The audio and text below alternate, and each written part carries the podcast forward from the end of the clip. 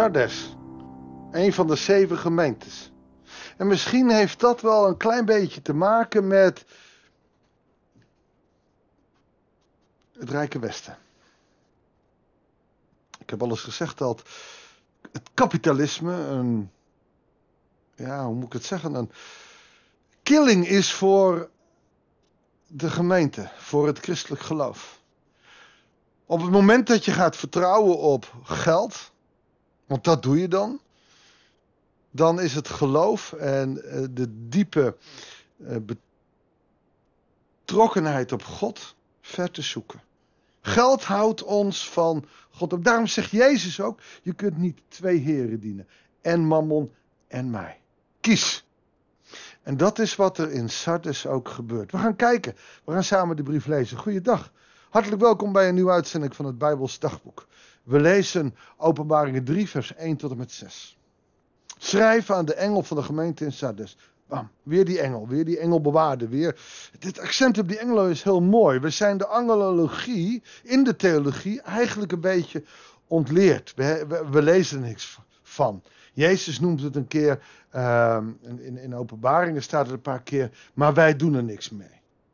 Ik had daar onlangs nog een discussie over in, uh, in onze gemeente bij een, koffieochtend, dat je daar niet zoveel meer over hoort. Ook niet die genadegroet. In de traditionele uh, gemeentes nog wel, die we laatst ook hoorden in het begin in hoofdstuk 1. En van de zeven geesten die voor zijn troon staan. Dat beeld kennen wij niet meer.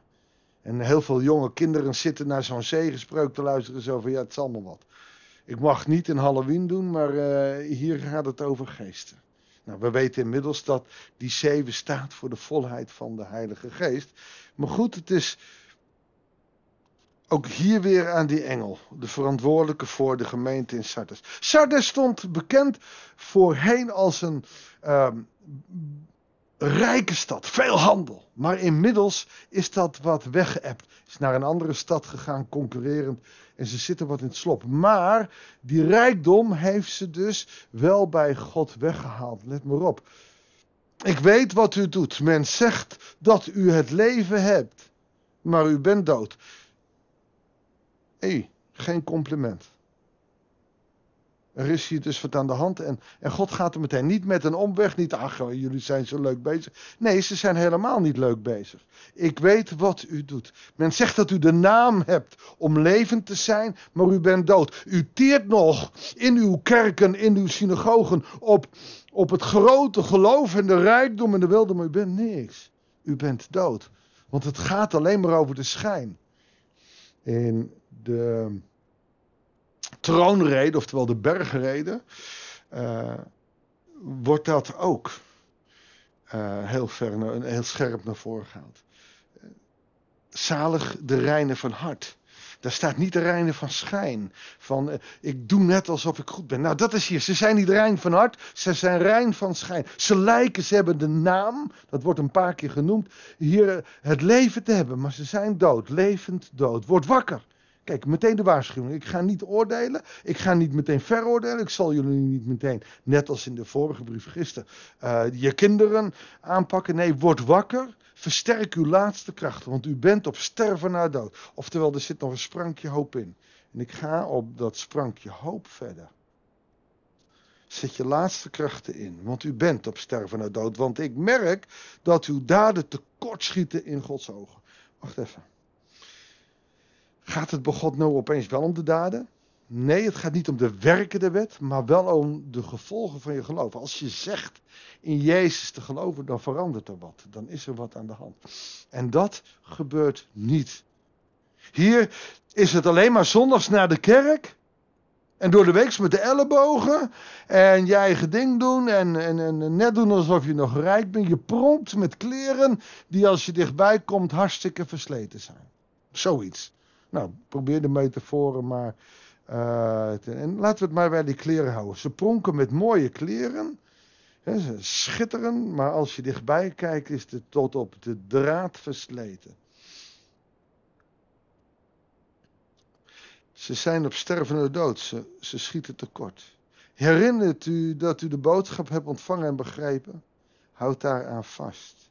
Kom tot inkeer, keer je om. Laat dat geloof niet aan de buitenkant, je kleren, maar aan de binnenkant werken. Waar je hart vol van is, laat de mond daarvan overlopen. Maar als u niet wakker wordt, kom ik onverwachts als een dief in de nacht. Op een tijdstip dat u niet kent. Nou, niet eens in de nacht. Maar je, je zult het niet verwachten. Dat is een beeld wat Jezus ook gebruikt. Zal komen als een dief in de nacht. Oftewel, s'nachts verwacht je een dief, overdag niet. En toch word je er door overvallen. En het is onverwachts. Het gek is, bij Jezus is het degene die hem lief hebben en hem doen, die worden niet opgeschrikt door een dief in de nacht, want die weten wanneer die komt, die zijn gewaarschuwd.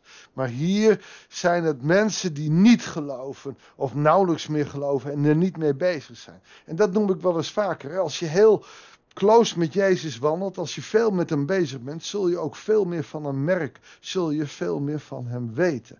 En uh, hier komt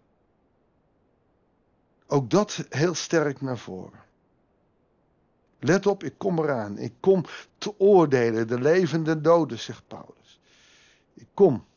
Kom je halen. En welke uh, tijdstip weet je niet. Als je dan lauw bent, als je dat, dat krijgen we met lauwe de. Maar als je dan uh, alleen maar zondags naar de kerk gaat en een beetje laat zien van kijk mij eens, met mijn mooie pakje vooraan en ik ben er wel, dan zit je ernaast.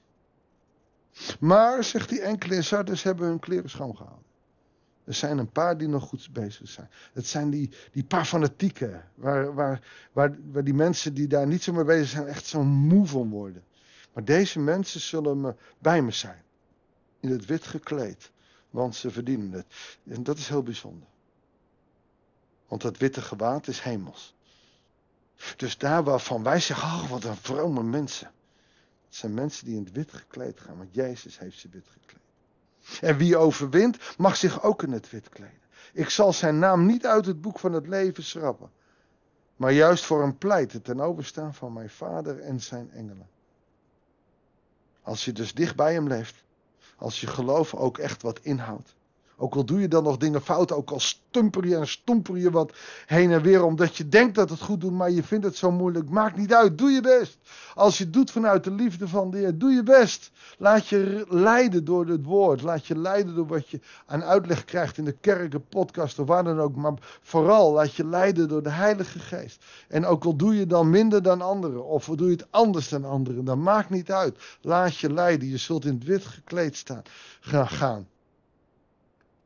En Jezus zal voor je pleiten ten overstaan van de Vader en de engelen. Want wie oren heeft, moet horen wat de geest tegen de gemeente zegt. Oftewel, het is belangrijk. Dus religieus gedoe, alleen maar voor de zier naar de kerk of ingeschreven staan. Heb je ook heel veel mensen, weet je dat? Kom je in alle kerken tegen, mensen die zijn ingeschreven. En komen nooit, hebben ook niks meer met God. Wil je uitgeschreven staan? Nee, nee, nee, nee, nee, want als ik straks doodga. Alsof je dan iemand hebt die voor je pleit. Het gaat niet om inschrijving. Het gaat niet om het aantal keren dat je naar de kerk gaat. Het gaat om wie je bent. Het gaat om jouw relatie met Jezus. Mag ik voor je bidden? Trouwe God en Vader, wilt u door de kracht van uw geest ons nieuwsgierig maken, ons verlangen groot maken. Zoals Psalm 42 dat zet. Zoals een hert dorstig is naar water. Dat wij dorstig zijn naar het levende water. En een relatie met uw zoon Jezus Christus aangaan. Opdat we gered mogen worden. Niet door alles wat we goed doen. Niet omdat we zo geweldig zijn. Maar omdat we verlangen naar u. Omdat we vanuit uw naam ook werkelijk waar aan het werk mogen zijn in deze wereld. Omdat uw geest door onze geest aan het werk mag zijn. Leer ons ons zo open te zetten voor wat u door ons wilt doen. Dat bidden we u. In de naam van Jezus. Amen. Nou aan het werk. Niet omdat het moet, maar laat je gebruiken. Zeg maar gerust tegen God, hier ben ik. Hier is mijn hart, Heer. Gebruik het maar. Ik wens je een goede dag. God zegen en heel graag tot de volgende uitzending van het Bijbels Dagboek.